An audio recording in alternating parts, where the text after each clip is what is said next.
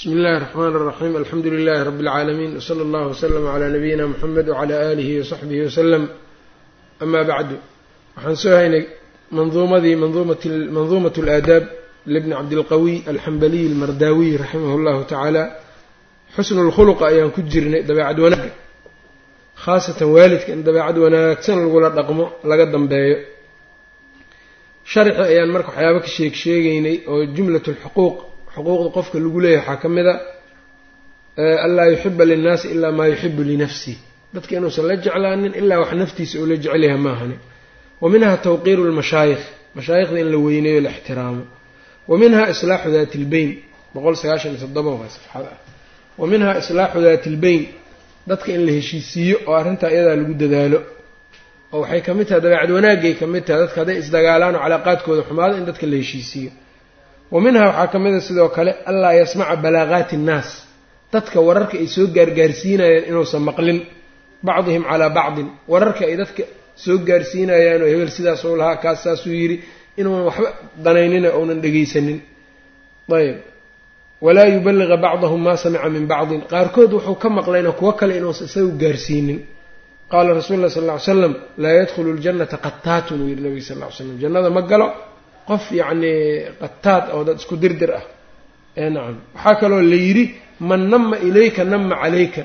Qofkii adiga yacnii kuusoo war kuusoo sheego adigana war unbuu kaa qaadaa nacam. Waa kaa waa kaa geynaa isagana nacam. Marka waxaas inuu iska daayo khaasatan qofka hadduu culumo yahay ama daalibu cilmi uu yahay waxaa weyan akhlaaqdan aaday isaga muta-akid ugu sii tahay nacam.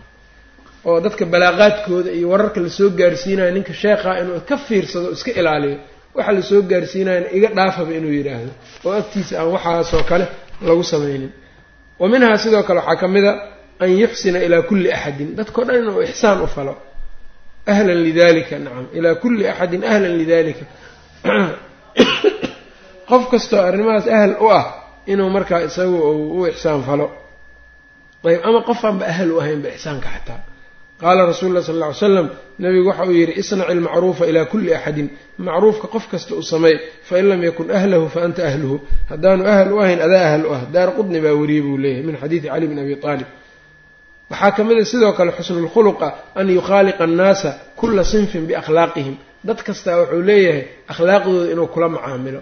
Yacnii lagama wado qofka inuu munaafiq iska dhigo qolo walbaa say tahay inuu laba wajiile inuu noqdo ma laga wado macnuhu waxaa weeyaan dadku yacni wixii dadka wixii darajaadkoodu ay sarreyso ee yacni heerkooda uu fiican yahay. Dee dad waaweyn oo kale inuu ula dhaqmo caruurtii inuu caruurnimo ula dhaqmo munaasab waxay u yihiin caruurtii waxay munaasab u yihiin naxariis oo kale munaasab u yihiin. Soo ma garaneen culummadii oo kale ixtiraamay munaasib u yihiin. Qolo walba waxay munaasib u tahay inuu kula dhaqmo ka wadaa.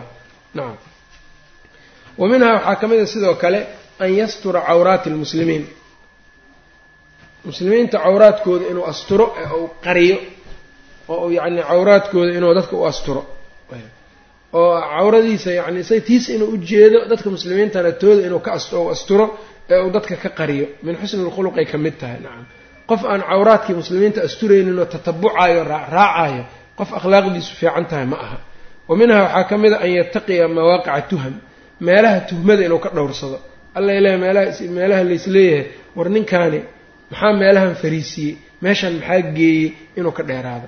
Haddii ay danta ku kaliftana inuu wixii qofkii meesha ku arkay inuu u caddeeyo waxa uu meesha u joogo.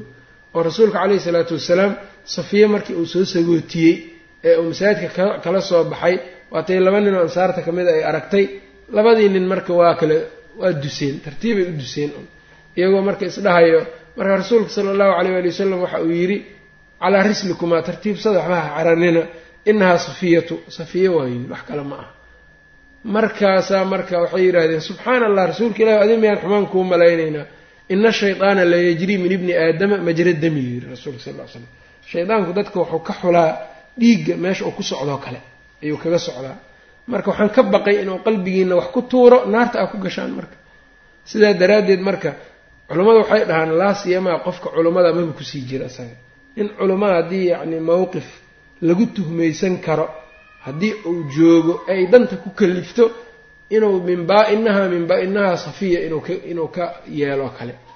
Oo min baab inahaa safiya inuu u hadlo inay daruuri tahay. Laba faa'iidaba waa laga helaa. Isaga cirdigiisa waa ilaashama. Cirdigiisu ayuu ilaashanayaa. Maxaa yeeley cirdiga inaa ilaaliso waa muhiim. Xadiidkii ina alxalaala bayin wa ina alxaraama bayin wa baynahuma umuurun mushtabihaatun laa yaclamuhuna kathiiru min annaas faman ittaqa shubuhaati faqad istabra'a lidiinihi wa cirdihi yacni qofkii ka dhowrsaday yani shubuhaadka diintiisa iyo cirdigiisii waa ilaashaday ninkaas oo adiga inaad cirdigaaga ilaashato waa shay muhiima waay tan labaad dadka muslimiinta suu-u danniga inaad ka ilaaliso inay adiga kuu qabaan waa ku dambaabayaan ileen suu-u danni mala xun inaysan kaa qaadin dadkii si aynan si aynan mala xun aynan kaaga qaadin inaad adiga u sii sheegtaba. Nacam sababtaasaan meeshaan aniga u imid ee waxaas ma ahi aniga qofki inuu yidhaahdo. Nacam waxyaabahaas o dhan marka waa laga keenaa marka. Siyaanatan wa an yattaqiya mawaaqica tuham siyaanatan liquluubi innaas dadka quluubtooda si uu u ilaaliyo can suu-i danni buu ka ilaalinaa malaxumo bihi isaga ay ku maleeyaan wa alsinatihim carabkoodana min algiibati xamti inuu ka ilaaliyo oo yacni haddaad tiri haddaad iscaddaysa adiga dadka ma ku xamanayaan hadhow oo ninkaan nin fiican u ahaa dantaasuu meesha u joogay baa la dhahayaa. Wa minha an yascaa fii qadaa'i xawaa'iji lmuslimiin dabeecadda wanaagsan waxaa ka mid dadka muslimiinta danahooda inuu ka shaqeeyo ee uu qofka xaajaadka muslimiinta inuu u qabto danahooda. Walow shafaacatanba ha ahaato. Qof dhibaataysan markaad aragto inaad la xanuunsato muslimiinta ka mida wax siiso baahan markaad aragto. Qof dhar aan haysanin markaad aragto inaad dhar siiso cala al aqali xataa haddaadan lacagtii adiga haynin laakiin wejigaaga aad ku kaalmay karto inaad meelaha u soo marmarto oo aad tiraa war dadkii waa dhibaataysan yihiin sidaan dhibkan baa jira kan baa jira war waxa loo qabto. Wejigaaga inaad ugu kaalmayso. Oo nabiga wuxuu dhihi jiray ishfacuu tu'jaruu ergeeya waa laydin ajar siinayaa wayaqdi allahu calaa lisaani nabiyihi maa shaaa. Ilaahay carabkiisa nabigiisa carabkiisa wuxuu ku xukumayaa wax allaalo wuxuu doono marka qofka inuu xawaa-ijulmuslimiin indhaha ka laabta ma aha laa siyamaa culummada maba ahan ba iyagu nacam. Maxaa yeele culummada mansilada ugu weynay mujtamaca ka taagan yihiin. Rasuulkii calayhi salaatu wasalaam rasuul dambe ma soo baxaayo. Booskii ummadda uu nebiga u joogay ee dacwadii iyo dadkii yacnii nadaamintoodii ayagii baa joogo. Marka inay iska dhigaan maaha wax liito oo aan danaha dadkaba ka fakerin inay iska dhigaan ma aha. Oo nin walbaa tiisa keliya iyo reerkiisa inuu ka fakerto oo dadkan muslimiinta maxaa iga galay uu yidhaahdo aad iyo aaday u daran tahay taas markay dhacdana waxaa imaanaysa dadka ahlucilmiga mansilo inaysan dadka ku yeelanin ayaa dhacayso. Walidaalika culummadii hore yacni waxay lahaayeen mawaaqif aad iyo aad u weyn ay dadka ku lahaayeen. Abaar markay dhacdo dulmi marku imaado cadow markuu imaado dhammaan ayagaa ayagaa dadka madaxda u tegi jiray oo u sheegi jiray waxa la gudboon oo dadkan kaga habboon walidaalika ilaahay quluubtooda dadka quluubtooda wuxuu u geliyey qabuulu u geliyey. Sheikhulislaam ibnu taymiya isagoo cadow badan lahay haddana maca dalika dadkii quluubtooda waa jeclaayeen. Sababtay ku jeclaayeen wax kale ma aha intaas isagaa iskalifayo mas'uuliyad isa saaraya intuu shaam ka soo baxo masar yimaado xaakimkii masar xukumayo jihaadka ku taxriidiyo si ay dadkaas u badbaadaan wax kale ma ahayn. Qadaa-u xawaaiji lmuslimiin unbaa wade nacam cid lacag ku siinaysa dowlad mas'uul uma uusan haynin.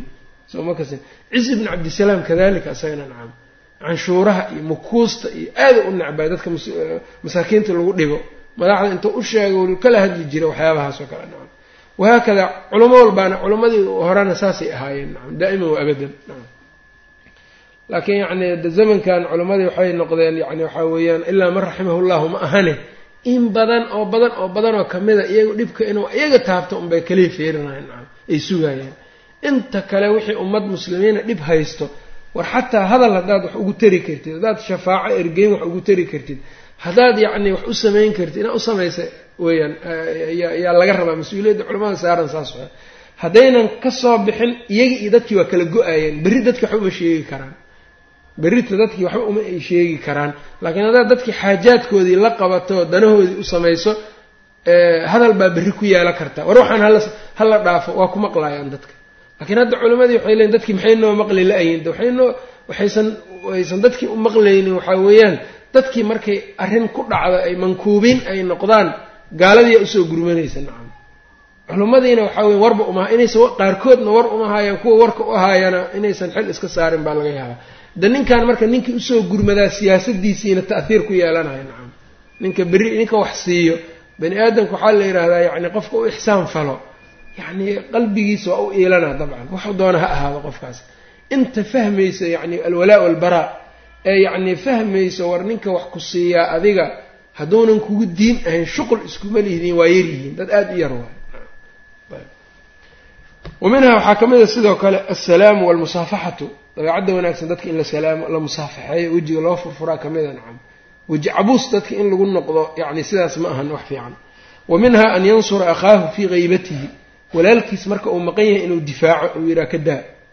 Laa siyamaa cirdigiisa weliba. Markii kacb ibnu maalik dagaalkii tabuug uu ka haray nebigu uu tabay maa facala kacb ibnu maalik? Maxaa ku dhacay? Uu yidhi kacab waatii nin baa marka wuxuu yidhi inahu qad xabasahu burdaahu. Waxaa celiyeen buu yidhi labadiisii go- wannadaru fii cidfayhi iyo yacnii labadiisa gaara uu fiirfiirinayo yacni kibir iyo xoogaa yacni iyaa ayaa ninkaasi xabistay oo celisay buu yidhi kibir baa celiyey oo dagaalkii kaga maqan yahay mucaadi ibni jabal radia allahu canhu baa u jawaabayo waxa uu yidhi bi'sa maa qulta isku reerayn ahay ninka saas yidhi iyo mucaadi bi'sa maa qulta waxaa tiri baa xunuu yidhi nacam maa calimnaa minhu ilaa khayran waxaan khayr ahayn annaga kama oginu yidhi ninkaa kacbi ibnu maalik rasuulku marka wuu ku farxay waana u qiray dabcan. Marka in haybada qofka la difaaco. Xadiidna waa ku soo arooro maa min imriin maa min imri'in yansuru musliman fii mawdicin yuntahaku fiihi min cirdihi watustaxallu xurmatuhu ilaa nasarahu llahu tacaala fii mawdicin yuxibu fiihi nusratahu. Imaam axmed baa weriyey qof yacni meel yacni qof qof qof muslima uma gargaaro meel cirdigiisa lagu xadgudbaayo xurmadiisa lagu banaysanayo ilaa ilaahay baa u gargaaro fii mawdici wuxuu ugu gargaaraa fii mawdicin yuxibu fiihi nusratahu. Meel uu jecel yahay in loogu gargaaro ayuu alla ugu gargaaraya isagana. Wa minhaa akhlaaqda wanaagsan waxaa ka mid a an yudaariya ahla shari dadka ahlu sharta ah inuu mudaaraad kula dhaqmo. Mudaaraad waxaa weyn xaqi isagoon ka tegaynin inuu haddana yacnii isagoon xaqiina ka tegaynin naftiisi iyo cirdigiisiina inuu ka ilaasho karo taasaa marka mudaaraadku sidaas weya nacam ayb mudaahana iyo mudaaraad waa kala duwan yihiin. Mudaahanada waxaa weeyaan qofku inuu diintii diintiisi inuu ka tanaasulo liajli irdaa'i innaas inuu uga tanaasulo. Laakiin mudaaraadku ma ahan saas. Waxba tanaasulaad ma ahan oo diinkaaga aad ka tanaasulaysid ma jirto laakiin adaa is ilaalinaya. Cirdigaaga naftaadaad ilaashanaysaa walidalika ibnu xajar wuxuu u nisbeeyey ninkii xadiidkii ninkii sagaashan iyo sagaalka qof dilay ee nin caabida u yimid ee suufi a markaa yidhi hal lii min tawba? Ninkaan intaasuu dilay hal lahu min tawbatin? Qaala laa buu yidhi maya boqol buu uga dhigay. Waxaa laga qaadanaa buu yidhi xadiidkan xamaaqada dadka yacni qaarkood ama kaflada ku jirto ninkaas ku jirtay suufiga. Ah maxaa yeelay xataa wuxuu garan waayo yidhi qaraa-inta ninkaas nin sagaashan iyo sagaal qof dilay war adigana waa ku dilaayay naftaada ka ilaasho xataa garan waayey yidhi nacam waa fahmi waaye oo xoogaa walba si kale wax ugu sheeg wuu fahmi waayey yidhi nacam marka mudaaraadkii marka in sidaa loo la yeelo liyaslama min sharihim si dadka shartooda uga nabad galo. Ayb. Wa minhaa waxaa ka mid a anlaa yujaalisa almowta dadka dhintay inuusan la fariisanin. Yaa waay dadka dhintay hum alaqniyaa weyaan dadka xoolaha leh. Dadka xoolaha leh oo xoolahooda aan ilaahay ugu dhowaanin oo aan xooluhu haddaysan cilmi hadduunan hogaamineynin xoolaha. Maxaa ma tarayaan ayb marka wuxuu leeyahay inuunan dadka la fariisanin mawtadii dhintay. Wahum alaqniyaa wayujaalis almasaakiin. Masaakiinta inuu la fariisto. Dadka masaakiinta ah inuu la fariisto. Masaakiinta waxaa loo jeedaa dabcan marka dadka masaakiinta ee ilaahay subxaanahu watacaala ka cabsado inuu la fariisto. Oo nebigaaba la yidhi wasbir nafsaka maca aladiina yadcuuna rabbahum bilghadaati waalcashiyi yuriiduuna wajhah walaa tacdu caynaaka canhum turiidu ziinata alxayaati اddunya walaa tutic man agfalna qalbahu can dikrina waatabaca hawaahu wakana amruhu furuutaa sidaasuu yidhi allah subxaana wa tacaala naftaada waxaa ku xabistaa ayaa la yidhi dadka ilaahay baryaaya galab iyo subaxba dadka alla baryaaya galab iyo subax naftaada ku xabis ayaa oo dadka iskibrinaya faraha ka qaad nin qalbigiisa ilaahay dikrigiisa uu ka xiray nin qalbigiisa yacni laga la ilowsiiyey dikriga alla subxaana wa tacaala iska daa baa la yidhi nacam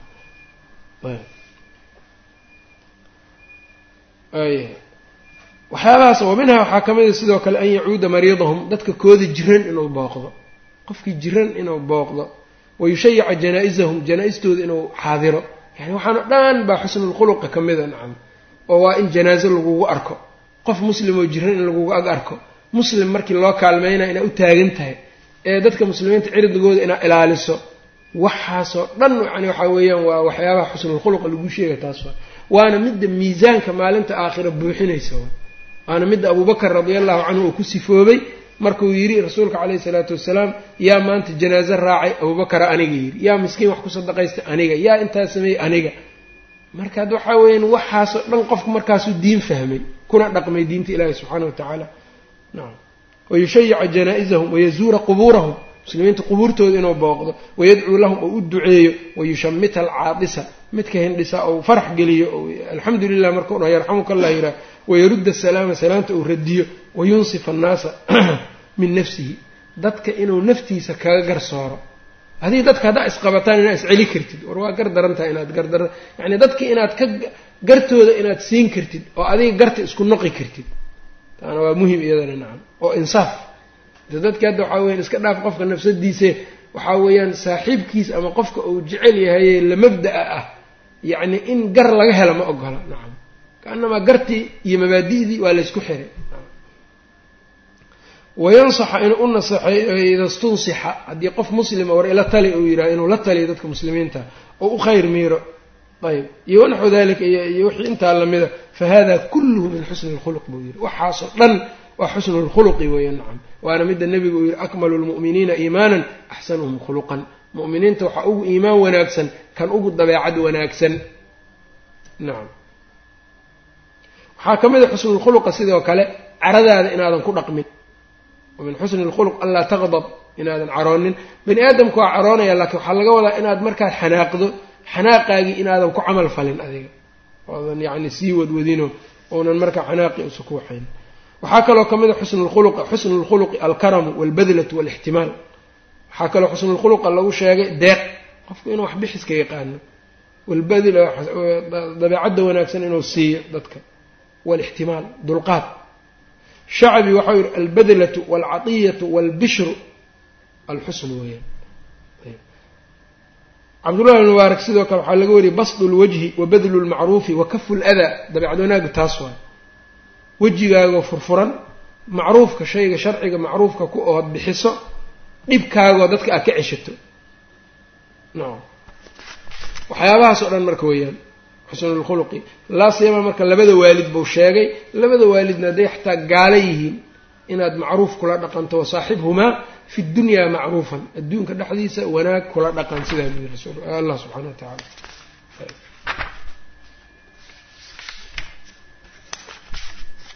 qaala naadimkii marka waxau yidhi sabxaana laba boqol iyo tobnaad wa axsin ilaa asxaabihi bacda mowtihi fahada baqaayaa birihi lmutacawidi wa axsin waxau yidhi hagaaji.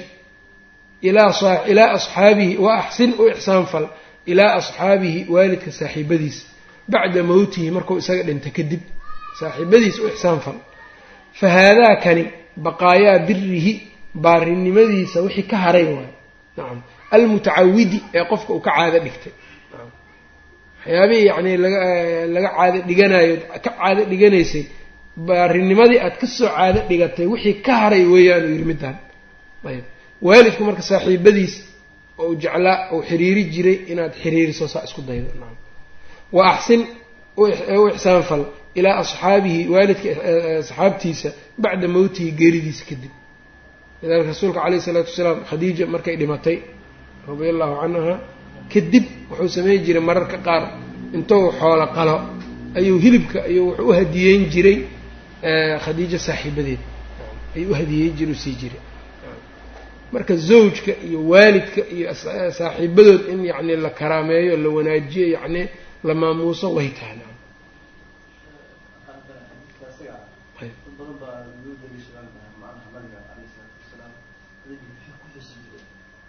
Maya xus waxaa hadda xuska annaga aan naqaano xadiidkan daliil u noqon maayo sababtoo ah xuska annaga aan naqaan waxaa weye waxaa weya sanadkiiba mar qofku waqtigou dhintay iyo waqti baa lagu aadiyaa nacam waa waqtigaas marka lagu aadinayo cibaadada waxaa weeyaan asalkeeda sharciga waxaa la rabaa cibaadada asal asalkeedana sharciga inuu ku sugnaado.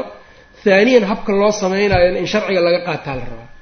Cibaadadii iyo habkii loo sameynayo labadaba in sharciga laga qaato.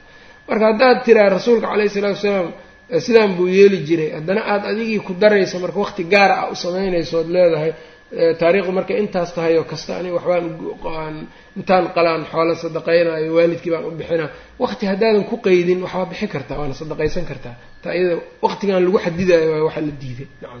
Tan annagu aan xuska u naqaanana waqtigay ku xadidan tahay. Rasuulkana waqti kuma xadidi jirin.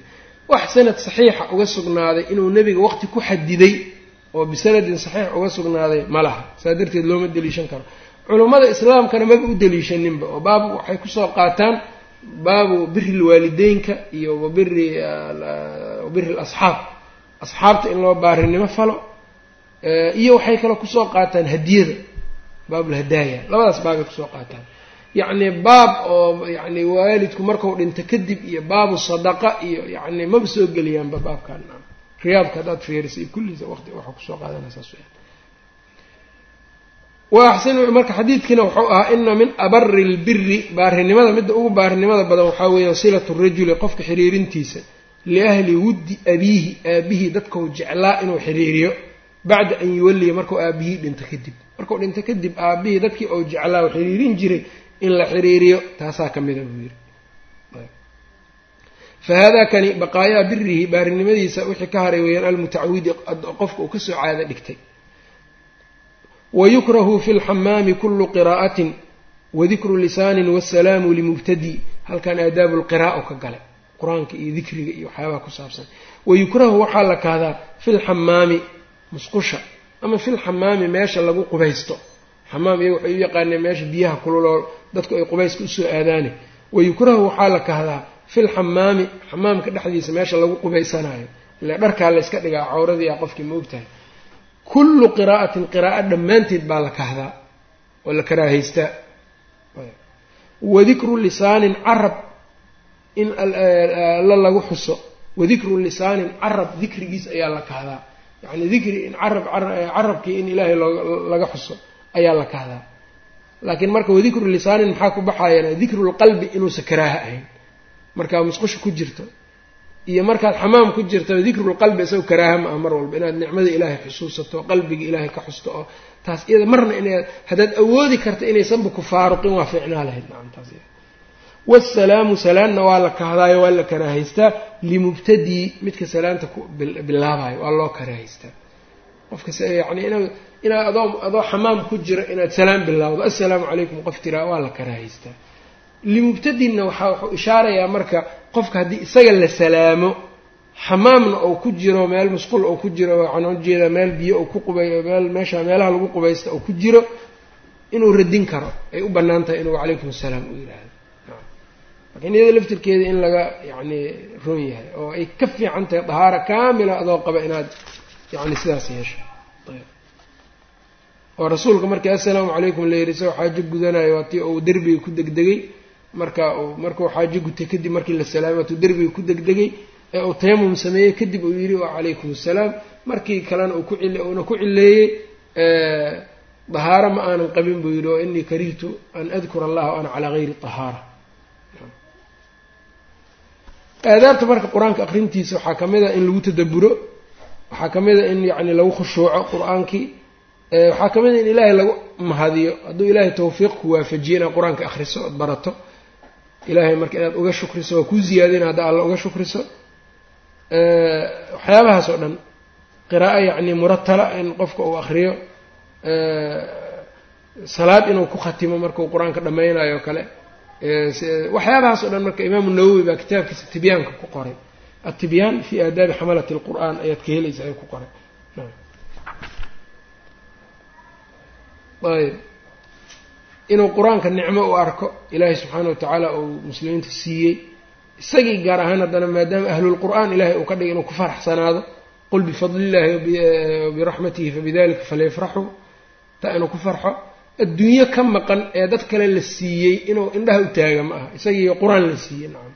Walaa tamudana caynayka ilaa maa matacnaa bihi aswaaja siduu ilahay yidhi waxaa ka horreysay qowluhu tacaala walaqad aataynaaka sabca min almathani walqur'aan alcadiim qur'aankii markii la siiyo nebiga lagu manaystay loo sheegay ee waxaa la yidhi walaa tamudana caynayka ilaa maa matacnaa bihi.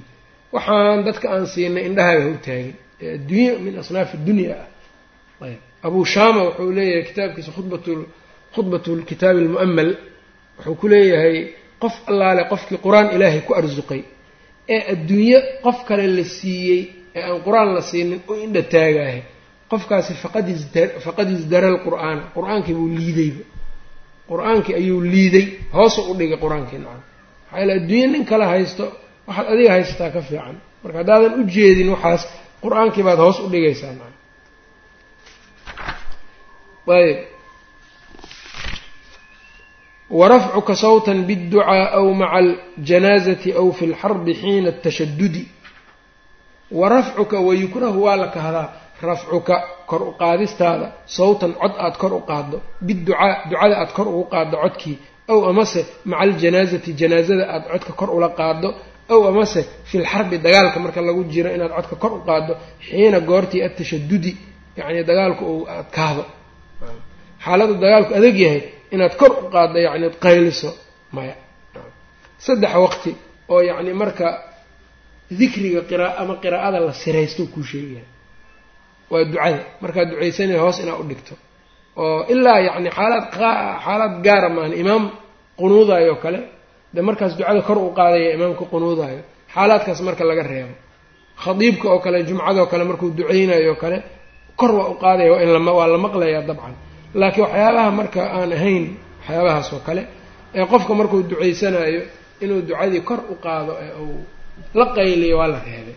Waa xadiidkii abuu muusa alashcari fii saxiixi albukhaariyi ayaa wuxuu ahaa ayuha annaas arbicuu calaa anfusikum.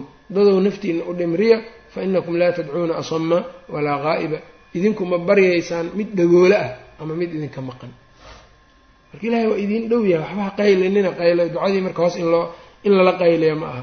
Aw amase maca aljanaazati buu yidhi. Janaazada marka la sagootinayana tartiib tu-ada iyo yani waxaan u jeedaa yani aamusitaan in la laazimo la aamuso la tadaburo qur'aan akhris ama markaas in kor loo qaado aan la rabin waxaan la rabin adkaarti in kor loo qaado ma aha. Waxyaabaas dhan iskaba dhaaf yacni adduunye in laga sheekaysta eh nacam. Adduunye iyado in laga sheekaysto warkeed badaa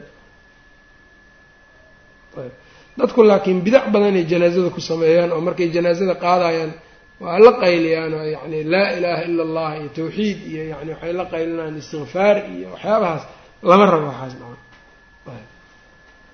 kitaabna kitaab iyo waxyina kama aysa qaadanin.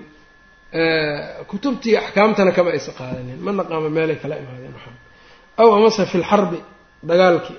Xaaladda iyadana dagaalka lagu jiro waa la kahdaa qaylada xiina tashadudi. Asalba dikriga wuxuu ku yahay marka hoos in loo dhigo. Wadkur rabbaka fii nafsika tadarucan wakhiifatan wa duuna aljahri min alqowli asal saas waa. Udcuu rabbakum tadarucan wa khufyatan laakiinse haddii marka laba qof ay murmaan mas'ale ku doodaan oo dikriga ku saabsan nina uu kor u qaadayo dikriga uu leeyahay dikrigan kor baa loo qaadaya midka kalena may hoos u dhig uu leeyahay. Labadooda yaa daliil laga rabaa midka kor u qaadaya daliil laga rabaa. Waxaa la leeyahay asalku wuxuu ahaa dikriga hoos in loo dhigo. Inaad dikrigi dikrigii kor u qaaday daliil u keen baa la dhahaya asalku marka saas waay.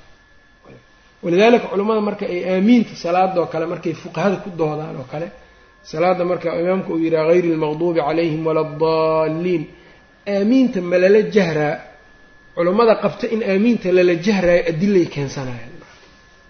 Kuwa kale laakiin abuu xaniife iyo kale in hoos loo dhigow qabaa. Isaga daliil ma keenayo sababto wuxuu leeyahy asalka in hoos loo dhigowba ahaa soo ma garanin laakiin dadka mushkiladooda waxay tahay marka haddaad tiraa war sidaan ma aha dikrigan hoos u dhig ama sidaana saan daliil ii keen uu kuleeyay asagii baana daliil laga rabaa nimankaan hadda xatreynayo oo masaajidii ku qaylinayo oo yacni oo weliba aan qur'aan laga akrisa karin qur'aankiibaa waxaa la yidhi kor yaan loo yaan layskugu qaadin walaa yajhar bacdukum bacdan bilqur'aan.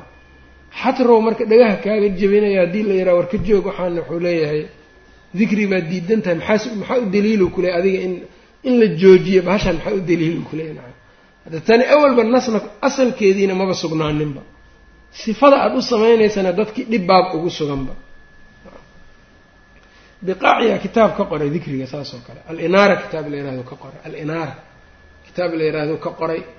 Marka uu leeyahay meelahan masar iyo markuu markuu yimid xalqadii masjidkiiba waxaan wax kala akrisa weynay yidhi qoom xatro badan yidhi qaylinayo yidhi markii la yidhaahda yacni waxaan joojiyana kibiray ka sii qaadayaan yidhi kitaab aada u fiican oo ka qoray alinaara la yihahda maa mabuuc mar mar mabu kitaab matbuuca wuxuu yihi ayb saddexdaas waxyaaboodba marka waxaa weeyaan dikrigana hoos loogu dhigo codka. Wanaqdun washaklun fii maqaalin wanaqdun washaklun fii maqaalin ilmusxafi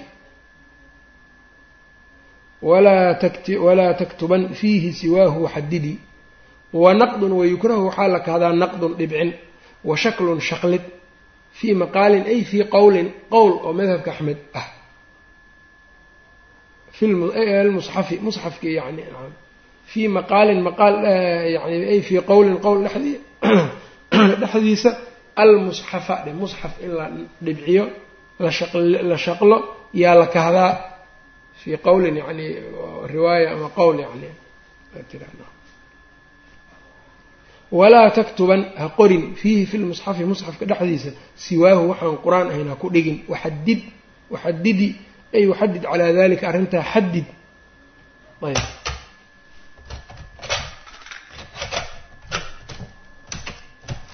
waxadid calaa dalika arrintaas xadid oo waxba yacni arrintaa iyadaa ha banaynin ay falaa tubix dalika ha banaynin masalada halkaan oga hadlaya waxay tahay qur'aankii shaqal iyo dhibco iyo ma loo yeelaa wuxuu leeyahay looma yeelaayo madhabka axmedna qowl kamida sidaasoo qaba ama yacni riwaayo waxaa tiraahdaba kitaab musxaf qur'aanna in wax lagu qorqoro geesihiisa waxaan qur'aan ahayn looga qorana yacni diid buu leeyahy ha banaynin labada mas'alena inay bannaan tahay raajixa nacam oo cagsiga siduu sheegaya raajixa nacam maxaa yeele kutubtii tafaasiirta waa ku wada qoran yihiin waa aragna nacam maa zaala alcamalu haakada camalku saas saas un weya nacam qur'aankii iyo wixii lagu fasiraya isku dhex jiraan nacam rasuulka caleyhi salaatu wasalaam baa wuxuu sameeyey bismi illahi raxmaan iraxiim intuu qoray hiraqla warqadii uu qoray qur'aan iyo waxay iskugu jirtay hadalkii rasuulka caleyhi salaatu wasalaam oo qul ya ahla lkitaabi tacaaluu ilaa kalimatin sawaain baynana.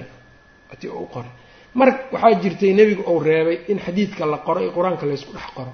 Markaas waxay ahayd mar laga cabsanayo inay isku darmaan. Lakiin hadda inay isku darmaan laga baqi maayo nacam xagga martaasaas yaal naqdiga iyo shakligana waxaa weeyaan de maslaxa keentay waa min almasaalix almursala masaalixda mursalada ayay ka mid tahay nacam maslaxada mursaladana daabit bay leedahay. Shayga marka la dhahayo waa min dad badan waxay isku qaldaan bidcada iyo maslaxa mursala. Oo waxay kuleeyihin musxaf in la qoro oo la shaqlo oo la dhibciyo. Bidco waa iyadaba nacam maca dalikana waa kaasa waa waa waa la ogolyahay bidcadii marka waxay isku dhex darayaan masaalix almursala farqiga udhexeeya waxaa weyaan masaalix almursala haddaad maqasho ama maslaxa mursala waxaa weeyaan baahida shaygan in la sameeyo maslaxada lagu tilmaamayo maslaxa mursala lagu tilmaamayo. Baahidii keentay yaa la fiirinayaa nacam. Shaygan shaygan baahida keentay haddii ay tahay dembi ama qusuur dadka ay la imaadeen hadday tahay. Maslaxa mursala ma noqonayo bidcu noqonayo shaygan waa maslaxa mursala la dhahaayo baahida keentay laakiin dembi iyo qusuur dadka ka yimid haddaynan ahayn haddii aan la samayninee laga tagaana ay imaanayso yacni dhib weyn ou imaanayo maslaxa mursala la dhahaa taas oo kale daabitka ugu fiican kaas waayo bilmithaal waxaa loo soo qaadan karaa salaada ciidda iyo khudbada. Xilliga rasuulka caleyhi isalaatu wasalaam khudbada ayaa dambeysay salaaddaa horrey jirtay. Reer beni umaya waxay damceen inay khudbadii soo hormariyaan salaaddii dib u dhigaan. Maxaa dhacay? Maxaad u samaynaysaan markii la yidhina waxay dhaheen dadkaa naga kala dareeraya dheheen maslaxaan u samaynaynaayo sababtoo dadkii baan khudbadii dhegaysanayna de waxaa la leeyahay marka maslaxadan maxaa keenay? Baahida keentay waa maxay? In yacni inay dadka kala dareeraan oo la idinka dhegaysan waayo idinku aada saan maslaxo aada u aragtaan sababta keentay waa maxay? Sababta keentay markii la fiiriyey waxay noqotay iyaga ayaa aalubeytka cay jiray. Reer bani umaya waxay cay jireen aalubeytka nebiga cali iyo kale iyo khudbaday ku cay jireen ku gaari jireen. Hadda inaad adiga wax cayso marka baahida adiga dembigaagii baa waxaan sababtay inay dadka kaa dareeraan dembigaagii baa keenay marka dembigaagii wixii ka dhashay maanta haddana maslaxo ka dhigaysaa sharcigii soo gelinaya marka misaalku taasoo kale u noqon karaa. Dhinaca kale marka yacni kitaabka qur'aanka jamcintiisao kale abubakar inuu jamciyo maslaxada keenta aan fiirin. Shaygan muxwijka keenay ama yacni baahida keentay haddaan fiirino qur'aanka in la jamciyo muslimiinta dembi ay galeen maa sababtay in qur'aanka la jamciyo ma sababin. Dagaalkii xuruubu ridda muslimiintii dagaalkii dadkii ridoobay bay la dagaalamayeen waana lagu qasbanaya dadkaas in lala dagaalo. Dagaalkiibaa waxaa ku dhintay rag badan oo quraa ah dagaalna waa u joogaan muslimiinta daa'iman waa abadan dagaal ma dhammaanayan ma ogtahay. Marka haddii dagaalkan intaas ay ku dhimatay mid labaadoo la galanay intaa in la-eg ay ku dhimanayso mid qofkan muslimka inuu dagaal ku dhintana dembi ma ahan oo isaga isgeeye ma ahan. De marka qur'aankiina in la ilaaliyo u baahanyo la jamciyo. Haddaan la jamcininna waxaa ka dhalanaya yacni in qur'aankii hadhow ururintiisu ay dhib noqoto ama la waayaba wax yaqaano xifdisan. Baahidaas oo kale marka baahi oo maslaxa ah lagu tirina maslaxa mursal ah. Hadba marka shayga muxuujka unbaa laga feeriyaa. Wixii yani maxaa baahida keentay maxay tahay baa laga feeriyaa. Shaqal marka qur'aanka la shaqlo iyo musxaf iyo waxaa taa unbaad ku ku feerinaysaa waayahay aha hay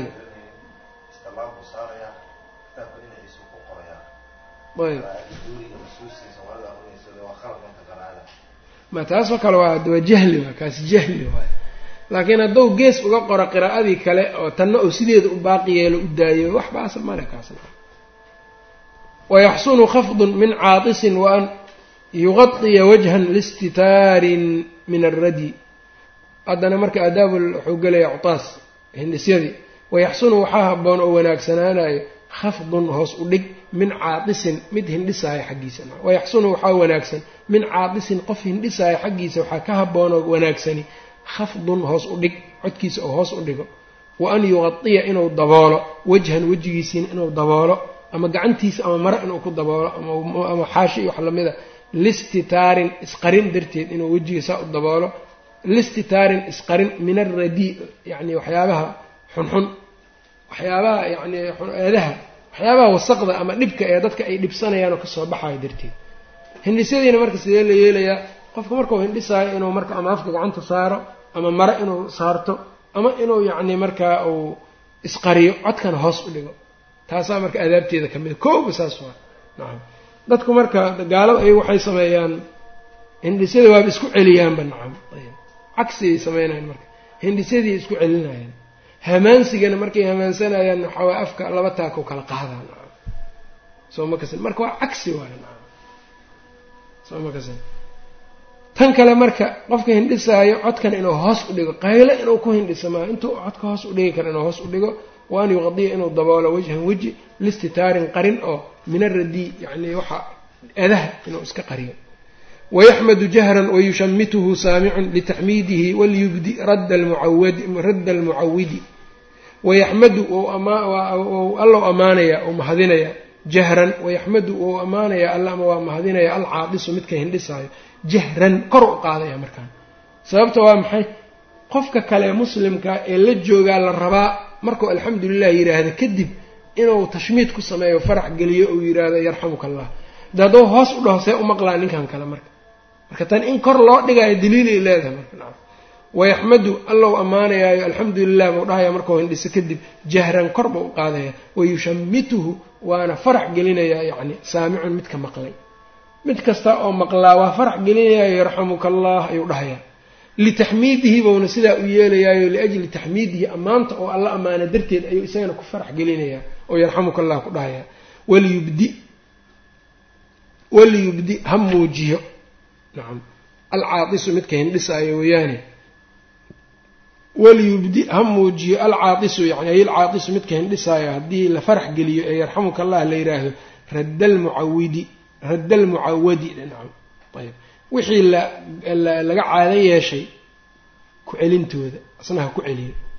Ama radda wixii nabiga caleyhi salaatu wasalaam xaggiisa laga bartay ee lagaga caado yeeshay asagana ha ugu jawaabo oo ha ugu radiyo waa maxa marka yarxamuka allah marka la yidhaahdo isagana muxuu leeyahay marka yahdiikum allahu wayaslixu baalakum sidaa buu dhahaya isagina sidaa hala yimaado. Waxaa iyada marka meesha ku jirto tashmiitu alcaadis wa xaqu lmuslim cala lmuslim fardu kifaaya miya isaga bacdu alculamaa baa dheheen dad badanoo meeshaan jooga haddii nin ou hindhiso alxamdu lilah dhaho. Midkood hadduu yidhaha yarxamuka allah waa ka dhacay. Xaqii waa guteen. Laakiin sida xooga badan waxaa weeyaan qof kasta oo maqlo inuu yarxamuka allah dhaho fardu cayn inay tahay. Oo ibnulqayimna wuxuu yidhi walaa daafica lahu. Qowlkaas yacni wax dafcinayo riixaya ma jiro. Oo nebiga wuxuu yidhi sala allahu alayh ali wasalam idaa cadasa axadukum waxamid allaha hadduu midkiin hindhiso alla ammaano kaana xaqan calaa kulli muslimin samicahu an yaquula lahu yarxamuka allah qof kastoo muslima oo maqlo waxaa xaq ku oo waajib ku ah inuu yarxamuka allah u dhaho ayb waqul lilfataa cuufiita bacda halaatatin waliطifli buurika fiika waamurhu yaxmadi waqul waxaa tiraa lilfataa kii dhallinyarada ahaye hindhisaayey saddex jeer kii hindhisaayey bacda halaatatin saddex jeer markuu hindhisa kadib cuufiita dheh laakiin rasuulka waxaa ka sugnaatay yani anta yani wixii intaa ka badan famaa zaada fahuwa maskuumun inuu yidhi wax intaa ka badan qofku waa jiran yahay marka in wax la dhahaayo caafaaka allah iyo kale iyo nas saxiixa oo sariix ah ma leh nacam marka inuu shib iskaga dhaho ama iskaga duceeyo duceyska mudlaqa hadduu iskaga duceynayo. Walitifli cunugii yaraana buurika fiika hala dhaho nacam walitifli waxaad tidhaahdaa wiilkii yaraana cunugii yaraana buurika fiika allah ku barakeeya dheh oo xadiid buu keenayaa marka isaga uu leeyahay rasuulka calayhi salatu idaa cadasa cinda nabiy lima ruwiya anahu cadasa cinda nabiy sal ly slam ghulaamun wiil baa nebiga agtiis ku hindhisaa la yidhi markaasuu lam yabluq ilxulma aan qaan gaari faqaala alxamdu lilahi rabbi alcaalamiin buu yidhi. Faqaala nabiyu sala allahu alayh ali wasalam baaraka allahu fiika ya ghulaamu rawahu alxaafidu silafiyu fi intikhaabihi buu ku wariyey abu daahir silafi fi intikhaabihi min aayuraat ayuu ku wariyey min ariiqi haarun bn ljahm can jacfar can abiihi bihi sixadiisana kulle ma uunan tilmaamin. Wamur masalada kale marka waxay tahay wamurhu far. Kolle caam waxaa un iska ah yarxamuka allah in haddii la yiraahdo. Taas un waa caam. Hadii la dhahaa waxba ma dhibayso. Cunuga yarka alxamdu lilah markuu yiraha yarxamuka allah allah kuu naxariisto waa u baahan yahay naxariis. Wamur far hu sabigii cunugii yaraa far yaxmadi ilaahay ha ammaanay allah alxamdu lilah ha dhehe si uu alxamdu lilah u dhaho cunuga yarkaa markuu hindhiso far. Alxamdulilah dheh dheh. Cunugiiba agtaada ku hindhisa waa yaryahay markaasuu iska aamusay. Alxamdulilah dheh baad leedahay. Sababta waxaa weeyaan haddii sidaa dhehidda la dhahaayo waa tadriib waa tamriin. Waxaa la baraa aadaabtii baa la baraya. Aadaabti ayaa la barayaa oo isaga yani aadaabtii baa sidaa lagu barayayo waxaa la leeyahay haddii aan la dhihin yacni alxamdulilah dheh haddaan la dhihin de wixii ma baranayo nacam. Si ku bartaa si u bartaa marka loo amraya qof weyn ka waran laakiin waa hindhisa shibu iska yidhi. Ama waa iloobay maxaa laga sameynaa culamada waa isku khilaafeen. Qaarkood waxay yidhaahdeen idaa taraka alxamda hal yustaxabu liman xadarahu an yudakirahu alxamd ma xasuusin karta. Ibnulcarabi wuxuu yidhi laa yudakiruhu ma xasuusinayo. Wahada jahlun min faacilihi. Waa diida isaga la dhihi maayo yani alxamdulilah dheh iyo la dhihi maayo. Imaamu nawowina wuxuu yidhi akhdaa waa gafeen akhdaa man zacma dalika qofkii yidhi lama xasuusinayo. Waa gafay buu yidhi. Bal yudakiruhu waa xasuusinaya liannahu marwiyun can inaqaciyi ibraahim naqaci baa laga wariyey. Wahuwa min altacaawuni cala albiri wataqwa waana tacaawun cala albiri wataqwa marka khayr ku kaalmaynaysid waa yidhi. Maxaa loo diidaya yidhi. Sunnada daahirkeeda hadda kolley waxay tilmaamaysaa buu leeyahay qowl ibn alcarabi iyo xoojinay. Laakiin kan kale laftirkiisu baciid ma aha. Haddii watacaawanu cala albiri wataqwa aayadda cumuumkeeda la qaato la camal siiyo ayb. Si kaloo iyadana waxaa soo aroortoo kale waxaa la yidhaahdaa in yacni la su'aalo la yidhaahdaba yacni bacdu salaf waa ka soo aroortay in la yidhaha qofku markuu hindhisoo kale oo aamuso qofkii waa hindhisa waa aamusay yaa fulaan hebelow maadaa yaquulu alcaaqis? Idaa cadas. Qofku muxuu dhahayaa haddii uu qofka hindhisaayo markuu hindhiso muxuu yidhaahdaa baad leedahay nacam. Markaas wuxuu ku leeyahy alxamdu lilah markaa yarxamuka allah iska dhe nacam. Bacdu salaf qaarkood inay saas sameeyeenaa laga sheegay ayb. Hababkaas marka in loo xasuusiyo loogu sheego. Nacam ayb. Waqai waqai waqai faman waqai faman wakdim tusib fii tahaawubin fadalika masnuunun biamri lmurshidi waqai dabool. Faman af dabool. Afkii dabool. Wakdim caburi. Isku celi yani caburi. Tusib waad asiibaysaa fii tathaawubin fii tathaawubin yani hamaansiga marka uu jiro. Markaad hamaansanaysa gacanta qabo afka ku qabo wakdim isna caburiyo xooga isku celi yani haddaa intaad isku celin kartid. Fadalika kaagaasi masnuunun weeyaan kula jideeyey biamri lmurshidi nebigii xanuuninayay amarkiisii baa lagu jideeyey. Ayuu kuleeyahay ayb taasna marka sidaasuu ka sheegay. Wamakruuhun isti'maanunaa ahla dimmatin liixraazi maalin aw liqismatihi shhadi inta aadaabta wuxuu uga baxay aadaab alcutaas hindhisada iyo yani tahaa'ubka iyo wamakruuhun mid la kahday weeyaan oo la karaahaystay curfigii salafka karaahada xaaraamtana waa tahay ogow nacam. Wamakruuhun mid la karaahaystay weeyaan isti'maanunaa annaga aami aaminitaankeenna aan aaminayno wax ku aaminayno ahla dimmatin gaalo muslimiinta ku hoos nool gaalo muslimiin ku hoos nool inaan wax ku aaminano waa la kahday buu yidhi waa la nacay maxaa lagu aaminaya liixraazi maalin maal ilaalintiis?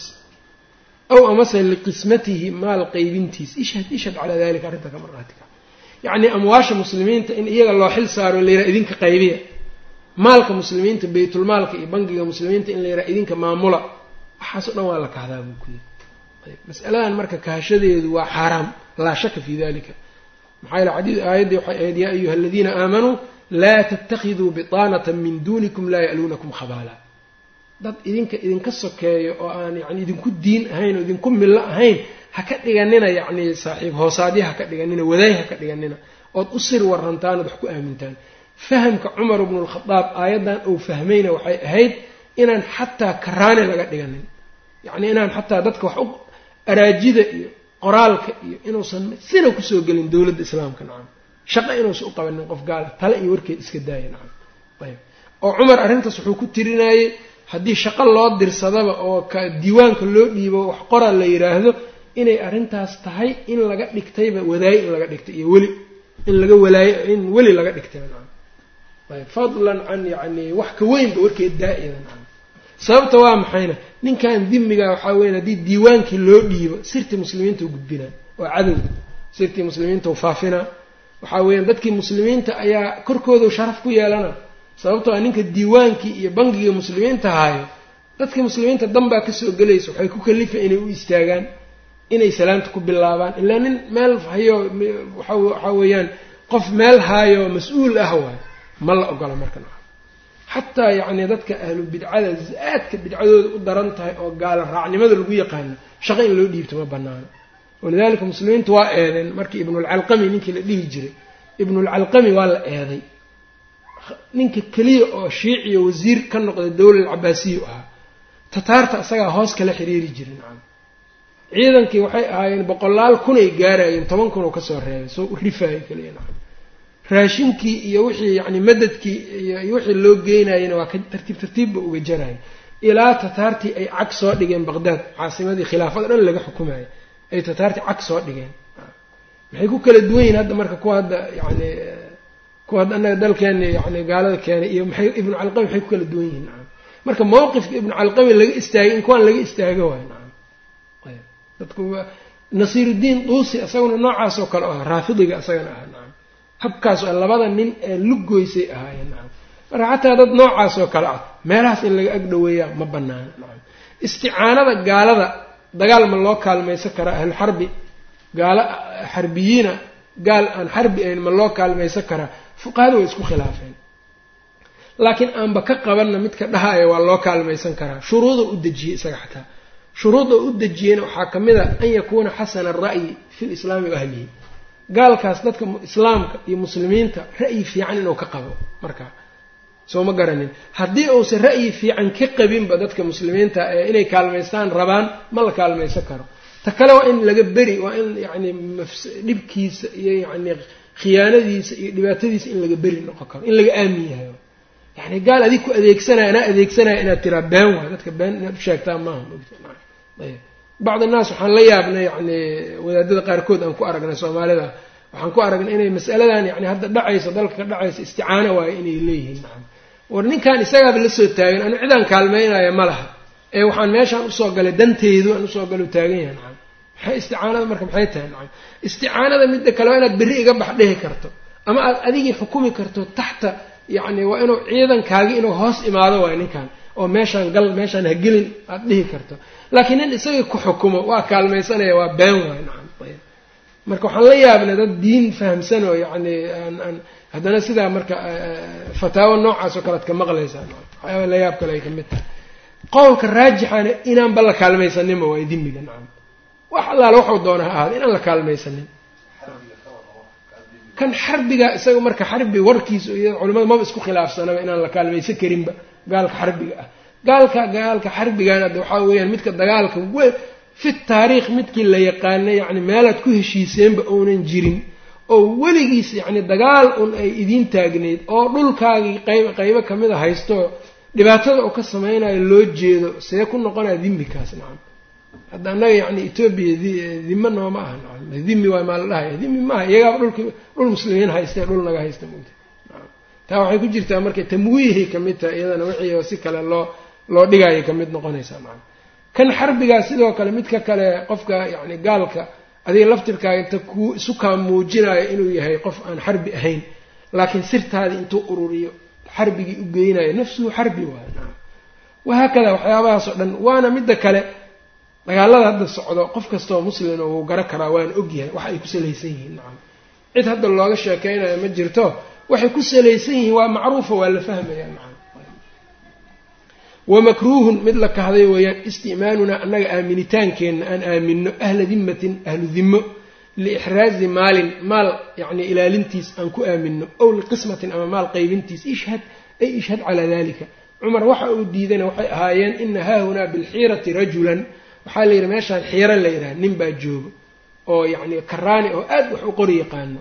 Miyaan adeegsanaa cumar waa diiday ha adeegsan. Yiri ilaahay hadduu ihaanaystay adiga ha sharfin buu yidhi faraha ka wahaakada abuu muusa alashcari nin nin buu yidhi marka warqad buu soo qoray markaasu cumar la yaabay fartii iyo qoraalka siduu ahaa waxaan yaa qoray markaasuu yidhi amiirulmu'miniin haddaad doonto waa kuu soo dirayaa markaasuu soo diray ninkii ninkiiba u keenay masaajidkiiba marka ay isku arkeen aawey buu yidhi ninkii ma soo geli karo yidhi masjidka janaabo miyuu qabaa buu yidhi maya waa gaal waa nasraani naga wad buu yidhi marka kan waxba u dhiiban mayno yidhi seed u sharfaysaa buu yidhi isagoo ilaahay u ihaanaystay faraha ka qaad buu yidhi dir iska dir mid muslima oo shaqadiina wax ka yaqaana laakiin aan aad khatar ugu ahayn iyo mid gaaloo shaqada aad u yaqaan hadday jiraan kan muslimka in la qaato waa jabka yacni nuqsaantaasna ilaahay baa dadka u kabaya subxaana wa tacaala laakiin in la yidhaha wax kasta iyagii un allaahuma de wixii daruuri ahoo aan cid kaloo taqaan hadda aan jirin mid iyaga kamida inta lacag la siiyo laga barto hadhowna layska diro. Waa bannaan tahay taasoo kale iyaga saasay yeelaan ilaana nacam muslimiinta saasay uga faa'iideystaan maogtahay ayb ishhad ay ishhad calaa dalika arrintaa iyadaa ka marqaati kac buu leeyahy wabillahi tawfiiq wsala allah wslam calaa nabiyina mxamed wcala alihi saxbi wslam